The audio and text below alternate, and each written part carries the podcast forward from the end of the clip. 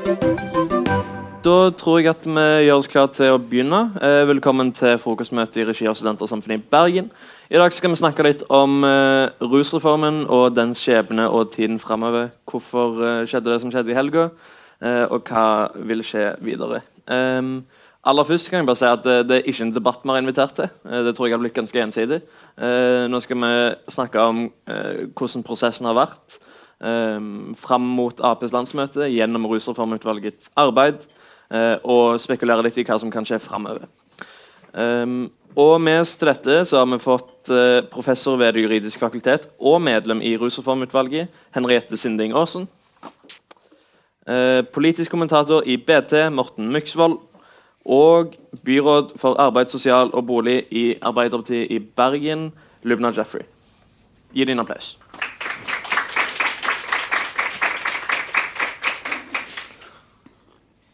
Og Vi kommer til å starte litt med å snakke om eh, rusreformen eh, og Rusreformutvalgets eh, arbeid.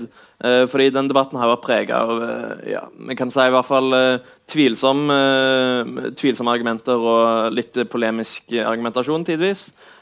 så Henriette, kan du bare forklare litt om hva er det egentlig Rusreformutvalget foreslo? Ja, skal prøve. Kort.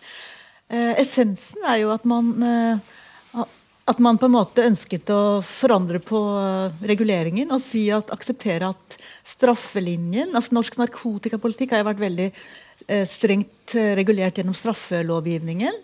Eh, og selvfølgelig med skille mellom brukere og selgere, men i hvert fall veldig strenge straffer. Men også da eh, preget av straffelinje overfor folk som bruker narkotika til eget, altså til eget bruk. Og den linjen har vist seg å være lite Eh, har brakt lite suksess. Det har vært mange tragiske enkeltskjebner og mye eh, problemer. Og Rusreformutvalget ble jo nedsatt med det mandatet for å forberede eh, en ny politikk, en ny regulering, som skulle bringe dette feltet fra justis over til helse. Altså Kort fortalt eh, følge opp brukere med helse og andre tiltak fremfor å fortsette en straffelinje som har vist seg veldig lite vellykket. Da. Altså, det har ikke, har ikke, medført Det har ikke hatt den preventive effekten som man trodde eller mente. Og det har man kjent til ganske lenge. Eh, så det er liksom essensen at man ønsket å innføre et nytt et regime, altså et paradigmeskifte i ruspolitikken ved å satse på tiltak, eh, velferdstiltak, helsehjelp til de som trenger det. Eh, istedenfor å, å, å, å bruke politi og straff. Og Tanken er at politi, altså straffe, strafferetten skal brukes eh, med skjønn. Man skal ikke straffe, bruke straff overfor alt man ikke liker eller alt man er skeptisk til. Det fins andre tiltak. Eh, og straff har medført store omkostninger for de som har blitt utsatt for det. Altså det straff skader, det er stigmatiserende, det virker sosialt utstøtende. Og denne kunnskapen eh, ved, har man, altså den, den, har man når man har sett konsekvensene for mange. Så hele tanken var at man skulle nå finne på eh, en type oppfølging som kan ha noe for seg, som kan hjelpe folk. Istedenfor å bringe folk enda lenger ut på den sosiale eh, sidelinjen. Da. Så det er liksom grunntanken. Kan du si litt om hvordan utvalget arbeider? og Hvor mange besto det av, og hvor omfattende? Ja, Det var et, et eh, bredt sammensatt utvalg. Eh, det var Runar Torgersen, statsadvokat, som har ledet utvalget. Eh, jeg var med fordi jeg er, har ekspertise i helserett og menneskerettigheter. Og hele tanken var jo at man skulle liksom bringe det over i helsesporet, så man trengte den kompetansen. Mye fagfolk fra rusfeltet.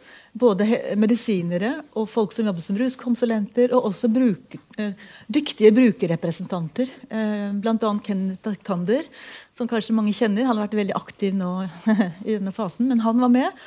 Og altså, Dyktige folk som har bidratt med kunnskap eh, inn i dette arbeidet. Eh, så både altså, forskere på rusfeltet, jurister, eh, brukere, eh, andre folk som har erfaring og kompetanse på rusfeltet. Så det var bredt sammensatt. Eh, og vi reiste mye rundt. Vi var til og med i Portugal og undersøkte litt hvordan de jobbet der. der har de, jo, de har jo vært et foregangsland i forhold til å bevege seg vekk fra kriminalisering og heller eh, ha mer sånn fokus på pre preventiv, preventivt arbeid.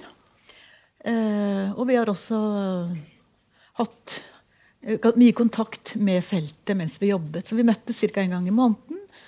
Uh, og følte at, jeg følte at selv at jeg lærte veldig mye. Jeg hadde ikke jobbet med rusfeltet før jeg ble med i utvalget sjøl, men jeg lærte veldig mye av å være med.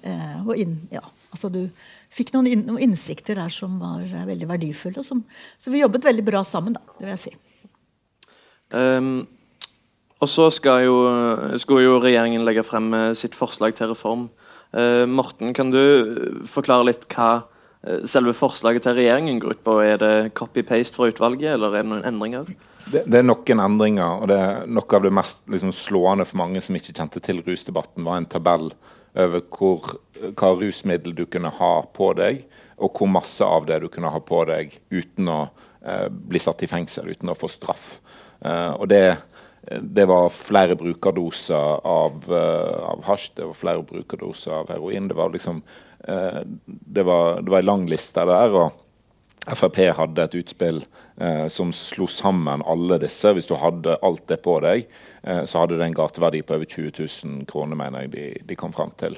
Um, og no, Noe av det regjeringen gjorde, var å skru ned det nivået du kunne ha på deg straffritt. Politiet skal jo fortsatt ta fra deg Eh, disse rusmidlene hvis de, hvis de finner det. Eh, og de skal destruere det etter, etter denne reformen. Men eh, hvis du går over det nivået, så, så venter det mer straff. da. Så regjeringen skrudde ned det, spor, det, det nivået på hvor masse en kunne ha, ha, på seg. Det betyr jo egentlig at siden narkotika først er forbudt å, å, omsette i Norge etter en sånn reform, så betyr det at du må oppsøke illegal bakmenn oftere med regjeringens forslag enn med, med Rusreformutvalget sitt, sitt forslag. Um, fordi det er ingen som snakker om at du bare kan kjøpe to skiver på butikken. Altså du kjøper, du kjøper kanskje brød for flere dager. Uh, det, det, er helt greit, og, og sånn fungerer rusfeltet òg. Det er ikke sånn at du bare skal kjøpe en og en uh, brukerdose. Uh, en annen ting som, som en gjorde en endring på, var å skru opp måtte, straffenivået Eh, for de som ble oppdaga å ha eh, narkotika innenfor disse terskelverdiene. Eh, fordi at Rusreformutvalget la opp til et, et møte etter at en har blitt tatt med, med narkotika på seg. regjeringen gjorde vel det mer obligatorisk og innførte en slags bøtesats, som ikke, som ikke er en bot, men den, den, den, følger, ikke, den følger ikke helsevesenets satser for egenandeler, noe som ville vært logisk når du flytter noe fra juss til helse. Den fulgte eh, rettsgebyrsatsene. Eh, så det ville vært en, en, en, en slags eh, bot eller et gebyr da, hvis du ikke møtte opp til de ja. veiledningstimene etter, eh, etter du hadde blitt tatt. Så de, de, Regjeringen stramma inn noe og gjorde rusreformen litt mindre omfattende enn det rusreformutvalget la til grunn. Kanskje jeg skal bare si litt akkurat om hva, hva som var det mer så konkrete lå i forslaget. da. Eh, jo, altså, forslaget går jo ut på at bruk av narkotika fremdeles er forbudt. Det er ikke snakk om noe legalisering, eh, men en avkriminalisering som skulle gjøre at de som ble, ble tatt med ulovlige rusmidler eh, Politiet da, skulle få myndighet til å pålegge den personen til å møte opp for den kommunal nemnd som skulle ha et som ansvar å ta imot folk som da ble pågrepet med ulovlige rusmidler. Og det skulle være et obligatorisk oppmøte eh, hvor man da skulle få informasjon eh, fra eh, en ja, et tverrfaglig sammensatt team, da, avhengig av hva som var eh, utfordringen. Men i hvert fall at det skulle være tverrfaglig kompetanse tilgjengelig for kommunen som kunne eh, møte folk. Eh, og så alle da måtte møte for en sånn nemnd og ta imot informasjon. og så kunne man da eventuelt samtykke til videre samtaler og oppfølging. Og så var det et særlig opplegg for, unge, for barn og unge. De skulle også eh, inn i det samme et, etter uh, forslaget. da, Samme opplegget. Men hvis du var under 18 år, så måtte du da møte sammen med foreldrene. Sånn det var, det var ganske misvisende det som mange har sagt. At det var liksom ingen reaksjon. Eh, at forslaget gikk ut på at alt skulle liksom nå ikke være skulle ikke bli møtt med noen form for reaksjon. Det jo, stemmer jo ikke. Altså, det at noe er ulovlig, er jo i seg selv eh, eh, et grunnlag da, for å reagere. Men reaksjonen skulle ikke gå via politiet og straffevesenet, men skulle gå via helsetjeneste og eventuelt barnevernstiltak der det var aktuelt. Så det var et mye mer sånn sammensatt forslag i forhold til hvordan man skulle møte folk. Altså dette her med Grunnen til at vi ikke ville foreslå gebyr for folk som ikke møtte, var jo også at det ville da typisk slå ut veldig usosialt. da. Eh, ja. Så det var grunnen til at vi, vi hadde ganske grundige diskusjoner på hvordan man skulle håndtere sånt. Eh, og, og, landet jo da på at å innføre gebyr hvis man ikke møtte opp, typisk ville ramme de som, med lite ressurser. Og, ja. Så det var på en måte tanken. Skulle ikke på en måte få straff inn bakveien, da. Det, det er jo som oftest de med lite ressurser politiet faktisk finner ja, rusmidler på. De går ja. ikke nødvendigvis etter de med mer ressurser. Allerede så er jo veldig sosialt skjevfordelt hvem som, blir, uh, i, hvem som er i kontakt med politiet. Så hele poenget var jo på en måte å, eh, å, å bidra til at det ikke skulle fortsatt være slik da, at det er veldig sosialt urettferdig hvem som rammes av dette her. eller de samfunnets reaksjoner. da. En annen kritikk eh, mot eh, reformen, eller det de eh, kritikerne kaller den såkalte reformen, er jo at eh, det ikke er en helhetlig reform. At det bare er et sett med eh, lovendringer. Um, hvor eh, dypt stikker den kritikken, eh, syns du, Morten? Jeg syns ikke han stikker så veldig dypt. fordi ja, det er bare noen, noen lovparagrafer som, som endres, men, men, en reform er en omvelting. Altså En reform er en stor endring i Eh, i et, eh, et lovverk, f.eks. Um, og, og den, altså, dette er få setninger, men det, det, endrer hele samfunnet. Hvordan hele samfunnet møter uh, rusavhengige og folk som, som ruser seg. Um, og, den omveltingen er ganske stor. Så jeg, jeg syns at reformen er eh, veldig omfattende eh, og, og, og, altså veldig nyttig. Eh, og, og, at det liksom skulle være mer for at det skulle bli skikkelig. Det, det klarer jeg ikke å forstå. Så finnes det jo noe kritikk mot at regjeringen ikke vil styrke hjelpetilbudet godt nok. og sånn. Eh, men det trenger ikke være en rusreform for at det skal bli noe av. Eh, en eh, vedtar et statsbudsjett hvert eneste år. Eh, en trenger ikke en rusreform for å bedre hjelpetilbudet til rusavhengige f.eks., eller til, til, andre som, som ruser seg. Um vi skal snart gå over til å snakke om Ap, særlig. da vil vi høre litt mer fra deg òg, Lubna. Men før vi går der, så har jeg lyst til å spørre deg, særlig Henriette. Når du hadde levert, eller, rapport, eller utvalget da, hadde levert denne rapporten, og så begynte debatten å blusse opp, hvordan Kanskje et ledende spørsmål. hvordan opplevde du samfunnsdebatten rundt det som du og en del andre hadde jobba ganske hardt med ganske lenge? Nei, En sånn gjennomgående opplevelse har jo vært at veldig mange har sterke meninger om hva som skal til, uten at man kanskje egentlig vet så mye om det. Eh, at veldig mange, eh, også sånne seriøse samfunnsdebattanter, liksom ikke forholder seg til at det faktisk ikke er et kunnskapsgrunnlag som tilsier at straff virker. At akkurat som det, det er jo på en måte egentlig den, kanskje den viktigste eh, kunnskapen, da, egentlig, her når man velger, når man sier, og Det la vi veldig vekt på i Rusreformutvalget, at vi skulle eh, virkelig få fram den kunnskapen. og Det er veldig viktig. For eh, da har du på en måte noe å støtte deg på. Uh, men altså at den, kunnskapen på en måte ikke alltid liksom trenger helt inn. da Man fortsetter å diskutere som om den kunnskapen ikke ligger der.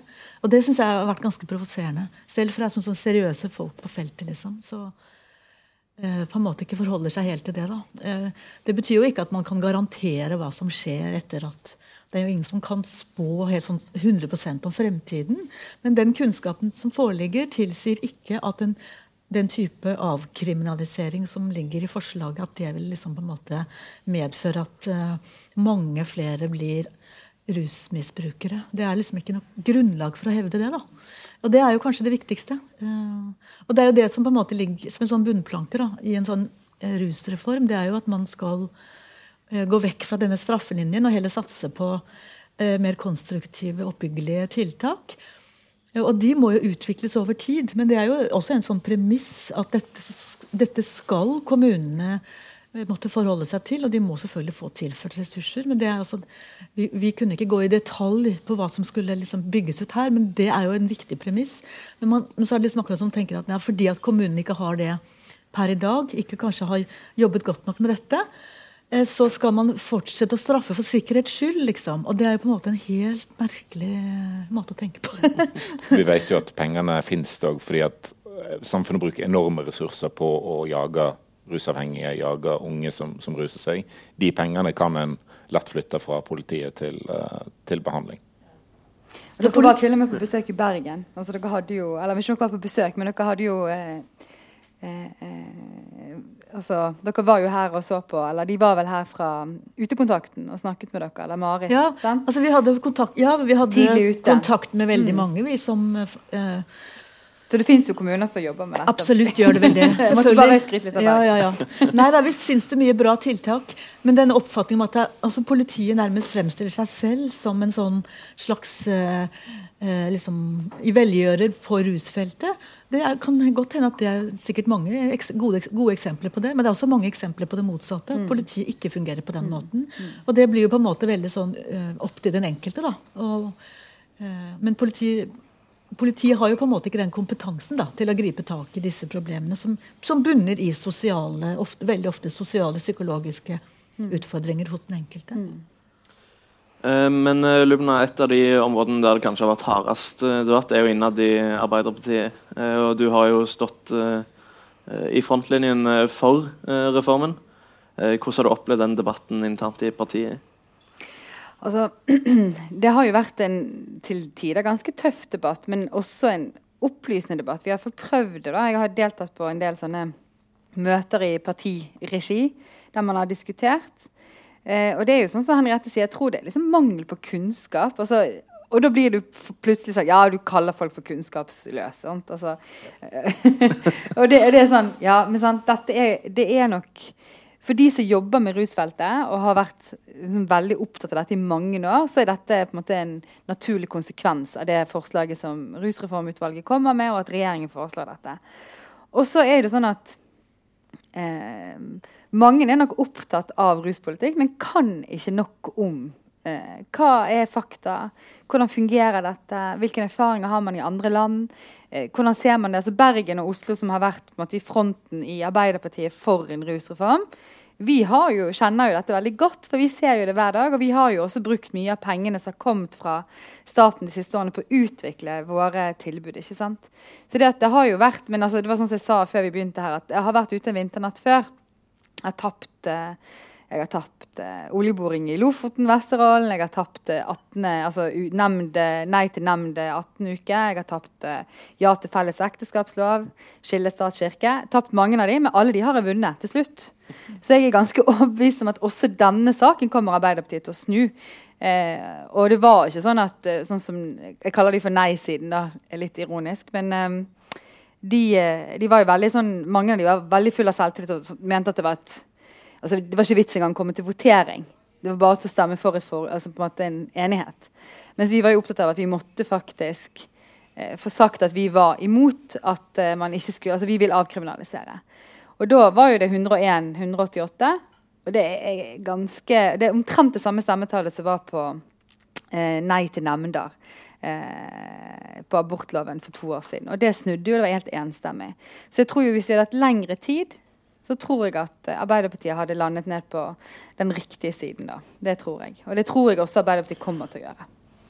De som har klagd på at, at uh, retorikken har blitt så hard, er jo de den såkalte ja. nei-sida i mm. Arbeiderpartiet, ja. da, som, som, mener at debatten har blitt så hard. Men det er jo først nå siste året eller to at mm. det er de som ønsker rusreform, som har blitt hard i retorikken. eh, det var ikke akkurat lett å si eh, jeg vil ha avkriminalisering i 2012. For da fikk jeg bare anklager om hvor masse jeg hadde lyst til å ruse meg når jeg gikk hjem. Fordi at en måtte jo være et dophove for å ville slippe dopet fritt i samfunnet. sant? Um, og Da er det jo provoserende å se de samme folkene sutre fordi at en påpeker akkurat det som står i NOU-en, at staten skader folk. Staten jager folk, staten driver en rasistisk ruspolitikk. Den er farlig.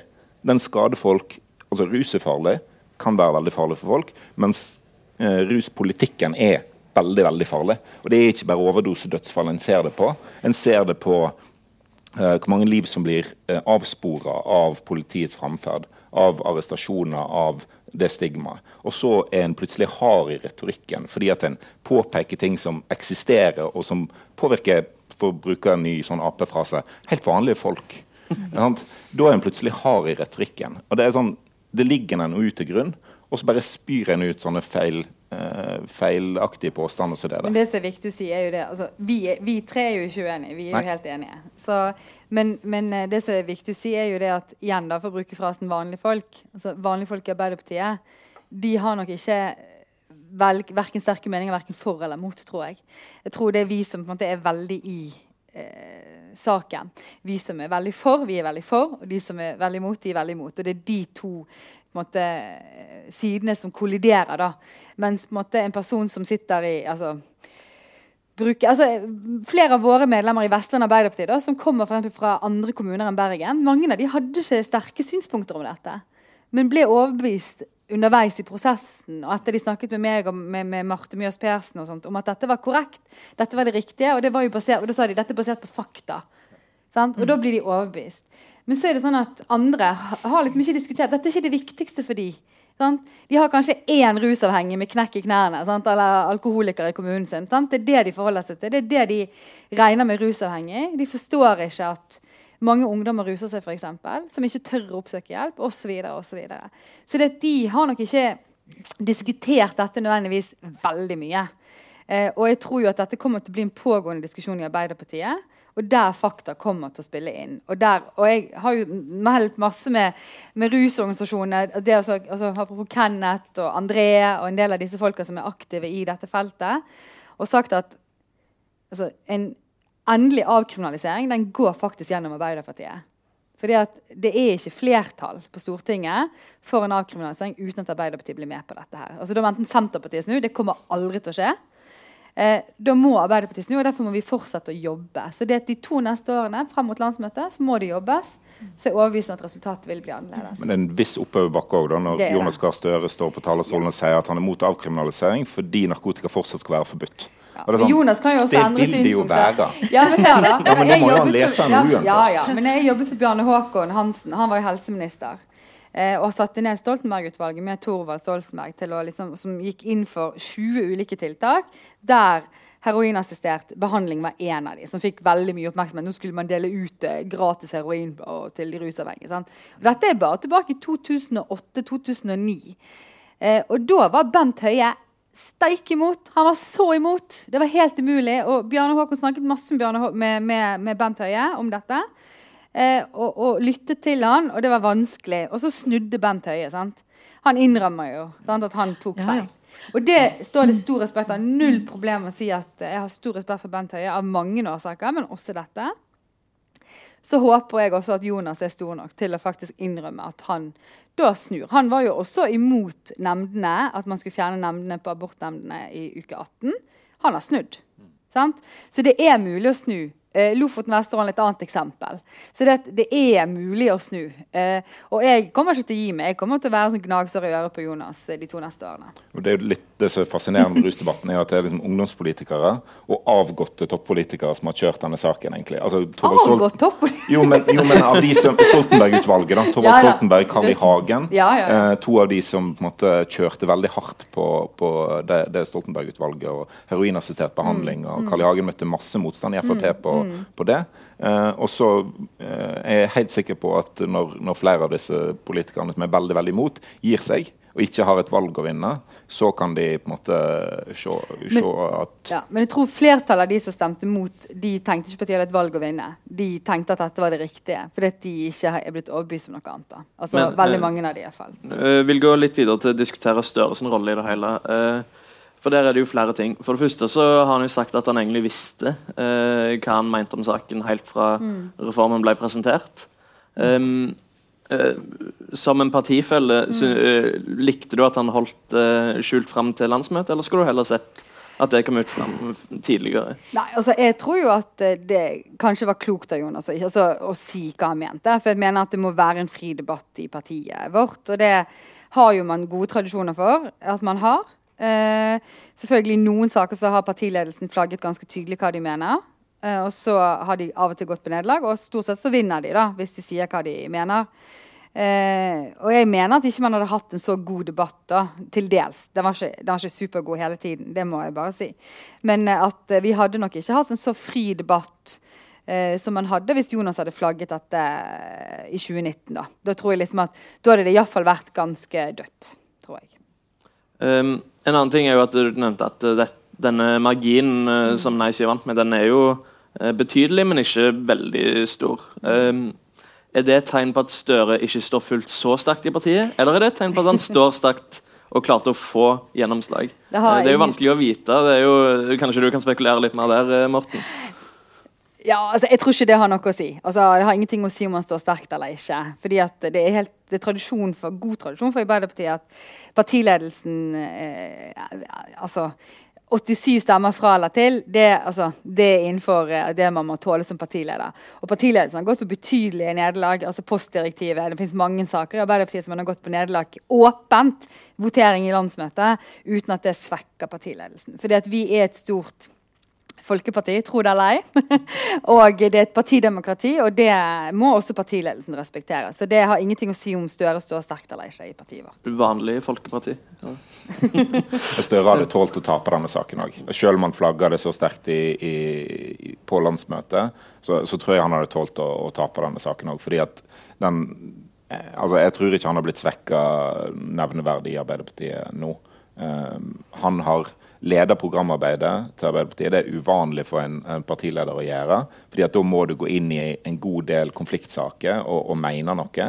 Han har gjort ett unntak, og det var for rusreformen. og Der har han oppført seg mer som en vanlig partileder, egentlig, eh, og holdt, holdt seg tilbake. Så kan du si Det er to måter å skape debatt i partiet på. En er hvis en partileder går hardt ut et år før landsmøtet så kan det drepe debatten. Men det kan òg fyre opp en motreaksjon. Altså Hadde Støre sagt det han sa på fredag en måned tidligere, eller en uke tidligere, så kunne jo mange i Arbeiderpartiet eller folk utenfor sagt ja, men det du sa der, er jo feil. Mm, mm, eh, det du sa der, gjelder ikke. Mm. Se til Bergen. Du skryter av Bergens ruspolitikk. Den er jo, den er jo basert på, eh, på at behandling funker. Mm. Uh, på skadereduserende tiltak. Det er jo på en måte historien fram mot rusreform er jo en rekke skadereduserende tiltak. Altså metadonbehandling, legemiddelassistert rehabilitering, heroinassistert behandling, boligtilbud. Altså En har funnet ut at det å fengsle folk ikke gjør at folk har et mer stabilt liv. Mm. Uh, det gjør bare at du fengsler folk. Mm. Uh, så kommunene har gjort masse av dette opp igjennom, og nå skulle staten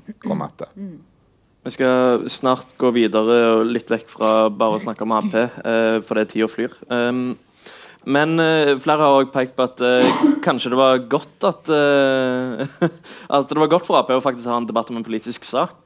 For det, det har ikke vært så Det har kanskje vært litt mer fokus på andre ting ganske lenge. Helt siden metoo og rundt Støre og rundt leserinnlegg fra tidligere LO-topper og hva det måtte være. Ting som ikke er så politisk, kanskje.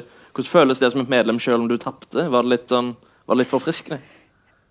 Alltid godt å diskutere politikk. Uh, og det var godt å ha et landsmøte selv om det var digitalt. Så det at, det, så det at um, Og det er jo dette vi skal drive på med. Det er jo dette vi skal gjøre. Vi skal utvikle politikk, vi skal utvikle samfunnet og diskutere. Og så blir det harde fronter når noe betyr mye.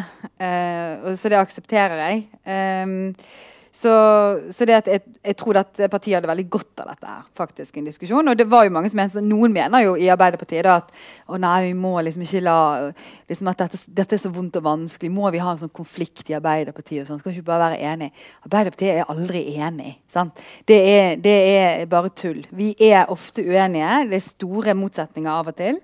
Eh, og det var jo en, en, som skrev til meg på Facebook etter landsmøtet at um, det er stor smerte forbundet med å være medlem i Arbeiderpartiet i visse saker. Både i rus og i innvandring. Sant? Og det er noe du må akseptere hvis du velger å bli sosialdemokrat og medlem av Arbeiderpartiet. rett Og slett. Så det, og det syns jeg er helt fair, men jeg kommer til å kjempe for eh, både rusreform og mer liberal innvandringspolitikk eh, også de to neste årene. Tror du at partiet har tjent på debatten, eh, Morten? Jeg tror det er bra for partiet, i hvert fall. Jeg vet ikke om de tjener noe på det blant velgere at det foregår en hard rusdebatt, eller at uh, en, en, vedtar en mer liberal abortpolitikk f.eks. Men, men det må være veldig godt for partiet å gjøre det. Uh, og faktisk diskutere politikk. fordi et, et Ap-landsmøte uten sånne uh, diskusjoner som det der er jo litt dødt. Da blir det jo bare måte, seremoni. Ja. og det, det, det, gjør en heller ikke bedre rusta til å drive valgkamp heller. Så jeg, jeg, er jo ikke blant de som tror at Aps nei til rusreform måtte sende de utfor et stup på en eller annen måte. Altså, det er ikke så stor folkelig eh, oppslutning. Altså, det er Målinger som tyder på at mange er for rusreformen, men det er ikke sånn at eh, folk nødvendigvis endrer stemma si pga. det. Det er ikke sånn at det finnes titusenvis av Ap-velgere som nå går til SV pga. rusreformen. Dessverre. Altså det, det, burde det jo helst vært, fordi jeg syns rusreform er ekstremt, ekstremt viktig. Men, men jeg, jeg, tror bare det ikke er sånn.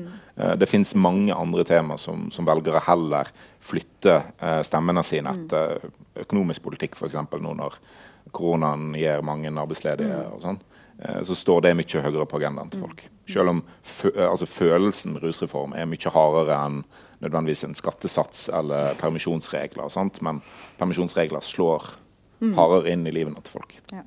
Det er bare et spørsmål. Det kan jo tenkes at en del unge velgere vil uh, tenke seg om før de stemmer Arbeiderpartiet etter denne. Jeg vet ikke. Altså, det, mye, altså, det kan hende, men det er jo mye målinger på hva som er viktige saker for folk. Mm. Sånn, hva er det som gjør hva at du sånn, Hva er det som betyr noe? Klima betyr faktisk mindre enn en ting som tyder på nå plutselig. Sant? Og det handler jo noe om igjen hva situasjonen vi står i. Vi står i en situasjon med mange som er arbeidsledige. Det er historisk høy arbeidsledighet i Norge. Det har ikke vært så høy arbeidsledighet siden krigen. Eh, det er stor mm. usikkerhet. Folk er bekymret for sitt eget ve og vel. Eh, og da kan, og så vet vi ikke, sant? Det er lenge til september. Det kan hende at vi er sånn euforisk gjenåpningsrus.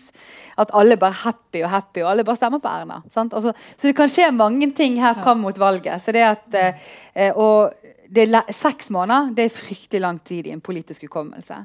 Så det at eh, dette kommer til å virke veldig lenge siden når vi kommer til valget i september. Kort kommentar til deg, Morten. Ja, Frank Aarebrot gjennomførte en del undersøkelser i løpet av mange valg som så på ulike generasjoner sitt syn på politiske saker. Og det er en ting som taler mot at ungdom måtte nødvendigvis gå vekk fra Arbeiderpartiet pga. Av, av ruspolitikk, er at ungdom er opptatt av mange saker for eldre generasjoner. så Det er en generasjonssolidaritet oppover. Mm. Sier at Ungdom har et veldig bredt spekter av saker, mens eldre folk har et veldig smal, mye smalere spekter av saker de er opptatt av. De er mer opptatt av ting som påvirker deg sjøl. Uh, så det kan tale imot at, at ungdom flytter seg vekk. Mm. Da uh, skal vi gå litt videre til å se framover, og da starter vi med det vedtaket som Ap gjorde. Um, Henriette, dette uh, vedtaket om å skille tunge og lette rusbrukere, var det mm. noe dere vurderte i utvalget? Altså Det som vi diskuterte, da, det var jo selvfølgelig uh, vi, altså du, liksom, vi, vi, hadde en sånn fokus på de, de, unge og de tunge, for å si det sånn. Og, men og alle, var jo, altså, vi, alle var jo enige om da, at de tunge var jo virkelig behov for å, liksom, å hjelpe og få et bedre tilværelse. Altså Hindre at de kommer i fengsel, og heller få uh, bolig og hjelp og det de trenger. Og så selvfølgelig denne diskusjonen om hvis man da Men hva med de unge, liksom? Altså, men, men, vi, basert på de undersøkelsene, da, holdt fast på at uh, for det første at det er ikke noe grunnlag for å si at, at ungdom vil på en måte liksom endre atferd pga. dette. Altså det, disse endringene i lovgivningen er ikke det som påvirker. Det, altså det, det er liksom kunnskapsgrunnlaget. Men så er det mer det prinsipielle, som kanskje som jo er vel så viktig. da.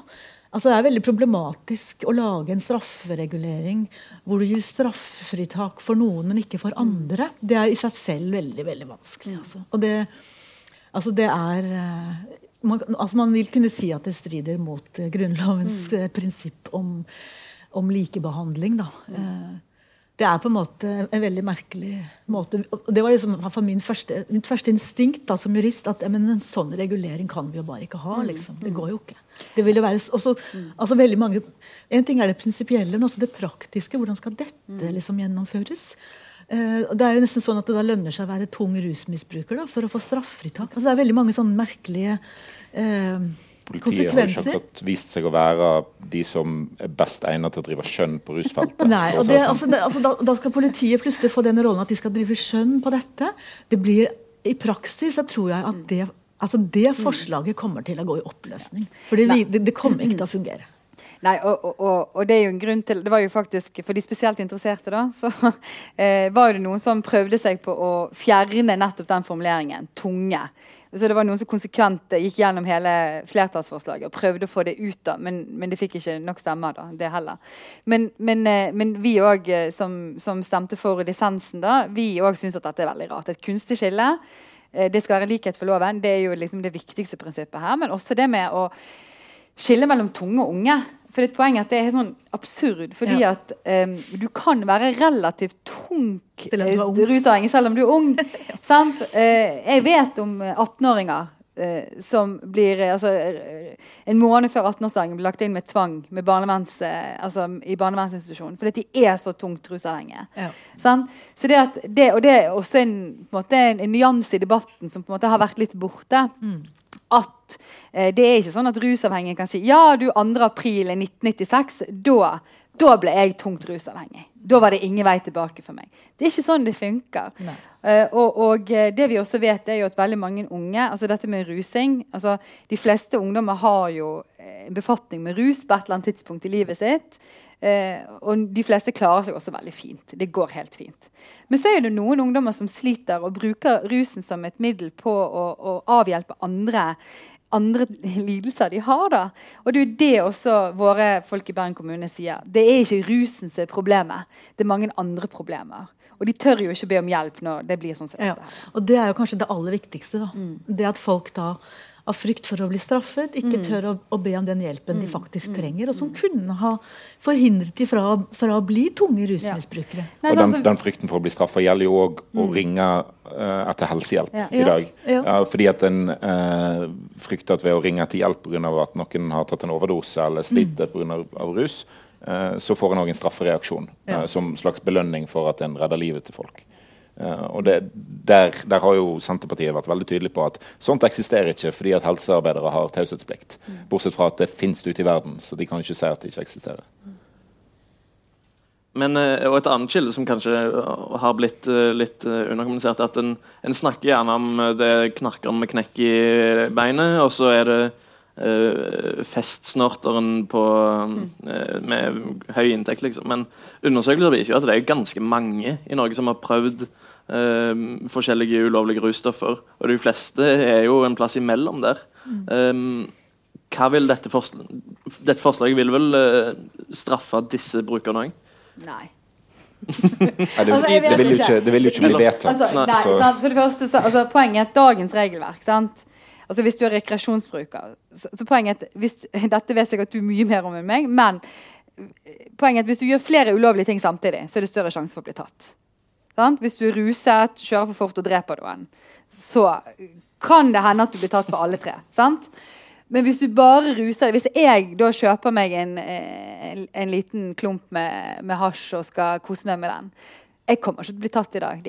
Politiet tar Altså, jeg er jo brun, da. Det er minus Litt for meg. Litt større sjanse Litt større sjanse, Men i utgangspunktet ja. ikke. sant? Fordi at jeg er kvinne. sant? Uh, høy inntekt, uh, ser noenlunde OK ut. sant? Blir ikke stoppet. sant? Eh, så det, de fleste rekreasjonsbrukere på en måte blir ikke tatt i dag. Fordi de er eh, velstående? Ja. Bortsett fra hvis du da heter Mohammed og kommer fra Somalia opprinnelig, så er det større sjanse for at hvis du er rekreasjonsbruker, at du blir stoppet.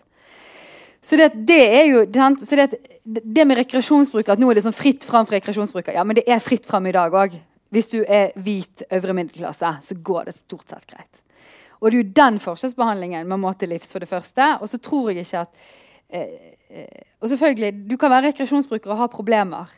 Eh, det kan du med mange ting i livet. Men det er ikke sånn at det er ikke derfor man skal reformere rusfeltet. Vi skal reformere det for at folk ikke skal bli jaget, at ikke det skal være stigma. At du faktisk skal få hjelp, og at vi skal slutte å forhindre at faktisk unge mennesker utvikler et alvorlig rusproblem. Det er jo det som er poenget. Hvis Arbeiderpartiet hadde fått gjennomslag for den endringen eh, som, som man gikk inn for å skille mellom tunge og unge, så, så kunne jo systemet blitt mer uforutsigbart enn i dag. Altså, Hvordan skal du kvalifisere til å være tung bruker? Mm. Altså, du, du, har liksom de mellomfasene. Skal du søke om et slags ruspass? Da innrømmer du jo egentlig kriminell aktivitet. Uh, hvis, du, hvis, du, skal liksom defineres som tung bruker. Hvis du ikke blir definert som det, så vet politiet at her, her er det her er det oppklaringsprosenter å hente. Eh, Så det er liksom helt umulig å se for seg den. den. Den forskjellsbehandlingen vi har i dag, må en til livs. Men den er på en måte lettere å forutse, fordi vi vet, at, vi vet hvem politiet går etter. Går Ja, etter men problemet av til så går jo de også etter altså, sånn, André Nilsen er jo et veldig godt eksempel. Eh, som er styreleder i Normal Norge. Og det er når han ble tatt på Korskirken så Hvis du ser André Han så, var kanskje litt mer sliten når han, eh, når han, når han drev og ruset seg og sånt. Men og han, det gjorde jo bare rus, eh, hans forhold til rus mye verre når politiet tok han. Det hjalp jo han ikke. sant? Eh, så det at det er ikke greit. Og det som er blitt avslått nå, jeg vet ikke om du skal snakke om det, men politiets virkemidler eh, og, og Riksadvokatens eh, endelige konklusjon knyttet til det at han nå ber alle statsadvokatene gå igjennom praksisen, det er jo kanskje noe å si, oppi alt det triste, noe av det beste som har kommet ut av den debatten, er at det er blitt avslørt at politiet eh, ikke eh, har hjemmel til å gjøre det sånn som de har gjort det til nå. Og det må til livs. Men det har vi jo visst lenge òg. Ja, altså, en har jo hatt skolerazzia med, med narkohund som, som politiet har kalt forebyggende hendelser. Sant? Men med en gang de sniffer på deg, så har de skjellig grunn til ransakelse. Men ransakelsen har jo allerede skjedd ved at hunden sniffer på deg. Der har eh, domstoler sagt at det har ikke de lov til. Og så har politiet svart at ja, men det er en lavere domstol, så vi trenger ikke forholde oss til det. Den, den rettsstatstolkningen der har du ikke kommet inn på barneskolen med. Eh? Eh, men det er, det er de vi utstyrer med våpen i dag, eh, som går rundt og, og tenker sånn. Og, da, eh, og det at, at en går mest etter innvandrerungdom, eh, at en er at en ransaker uten grunn, er ikke nytt. Det har bare kommet flere saker. Eh, det er bare til å gå inn og se på hva saker spesialenheten er er spesialenheten Politiet sier at det er det viktigste virkemidlet de har i å bekjempe narkotikabruk. Det er jo, altså, det er jo liksom at på beste sendetid 21.20 på NRK dette er det viktigste virkemidlet vi har. Med en rusreform så vil de miste dette. Nei, nei, du har ikke lov til det eh, i dag. Så det, at, eh, så, så det er jo liksom noe som er bra nå, som kan komme ut av at politiet nå må begynne å jobbe på en annen måte. Med da å ta disse bakmennene. Hvis de er så opptatt av bakmennene og konsentrerer seg om det, så må de slutte da å, å ransake uten skjellig grunn. Og i det hele tatt og skal begynne. Og, det at, og argumentet også mot rusreformen har jo vært at nå kan ikke politiet sjekke Snapchatten til datteren min hvis hun blir tatt med hasj. liksom. Nei, men de, de har ingenting å sjekke Snapchatten til din datter uansett. Sant? Så- dette er jo, Jeg er jo veldig glad for det, for dette kommer til å bli eh, Man gir seg ikke med dette. Så det kommer til å bli en utvikling og diskusjon rundt hva politiet har gjort, og hva de skal gjøre, og hva de gjør i fremtiden. Så jeg håper jo at det blir slått ettertrykkelig fast at det ikke sånn politiet skal jobbe. Og det vil jo være et argument også for å gå for en rusreform. For det har mange på nei-siden brukt et argument at vi tar vekk politivirkemidler. Men uh, bare for å avslutte dette her med dette forslaget til Ap. Du tror ikke at det er juridisk mulig? uh, dette med å skape dette skillet i straff? Altså jeg, jeg tror det blir øh, At folk vil innse at det er veldig uhåndterlig og prinsipielt veldig uheldig. Og, og problematisk i forhold til Grunnlovens uh, krav om likebehandling. Og særlig innenfor strafferetten. Altså, altså Strafferettslig forskjellsbehandling uh, basert på uh, den type status er jo helt eh, uhørt, egentlig. Så det er, jeg kan ikke helt forstå at det kan uh, at det kan eh, det mulig, altså. Det har vært veldig, og det har vært kraftig kritisert. Men så hadde jo, altså Bush var jo ute med tidligere riksadvokat var jo ute og påstå at det er grunn, mulig å, re, å reagere forskjellig, men, men altså forbudet må jo være det samme for alle. Det er jo i hvert fall helt sikkert. Forbudet må være det samme. Men det er jo spesielt siden du ser på det som en helsesak å, å ruse seg. Ja. Så er det jo det å ha en, en verre helsetilstand at, at det skal påvirke straffeloven, er jo litt sånn Ja. Det er jo litt rart. Ja, veldig merkelig, altså. Så det blir nok eh, ikke jeg, kan, jeg tror ikke det kommer til å, til å Når du skal gjennom Lovavdelingen og litt sånn, så Tror tror ikke det jeg det kommer til Og derfor stemte jeg imot. Eh, men, for, men forhandlinger skal det jo bli uansett. Eh, Bent Høie har åpna for forhandlinger, men, men eh, jeg har ikke noe tro på at, at regjeringen går med på en sånn halvreform eh, som bare blir ekstremt juridisk vanskelig. Men det har han jo også sagt. Altså, De har jo sagt at altså, grunnplanken er at avkriminaliseringen skal gjelde alle grupper. Altså, det har liksom vært eh, grunnplanken i reformen. Og der tror jeg nok ikke de kommer til å gi seg. Så disse forhandlingene vet ikke helt hva de skal inneholde. Kanskje en, en tro på at fornuften vil seire. altså. Så En må gi det et forsøk, tenker jeg, Ja. og så- og så koble en ifra rusreformen Ja. når Altså- Arbeiderpartiet sier nei. Jeg Ja. tror at man kommer til å gi det et forsøk, og så ser man hvor langt man kommer. Så kan det hende at man ikke blir enig om det på avkriminalisering, og så stemmer man mot og for det som man er mot og for. Og så er jo det andre elementer som kan komme inn, da. At det blir noe mer enn kun en lovendring. Det kan jo være elementer som kommer inn, da. At man ønsker f.eks. Å, å styrke kommunen og sånt, og alt dette her. Og der er jo jeg litt sånn eh, si by mot land. fordi at jeg mener jo at byene har jo brukt midlene i rusopptrappingsplanen på en god måte og utviklet måte, tilbudet. Altså, vi har gjort mange ting i Bergen. Sant? Et MO-senter er jo på en måte et lavterskeltilbud der du får lov å være ruset. Det er ingen som kaster deg ut. Det er greit, du får lov å være her. Sant? Det har noe med verdigheten i en rusavhengig, brukerrom osv.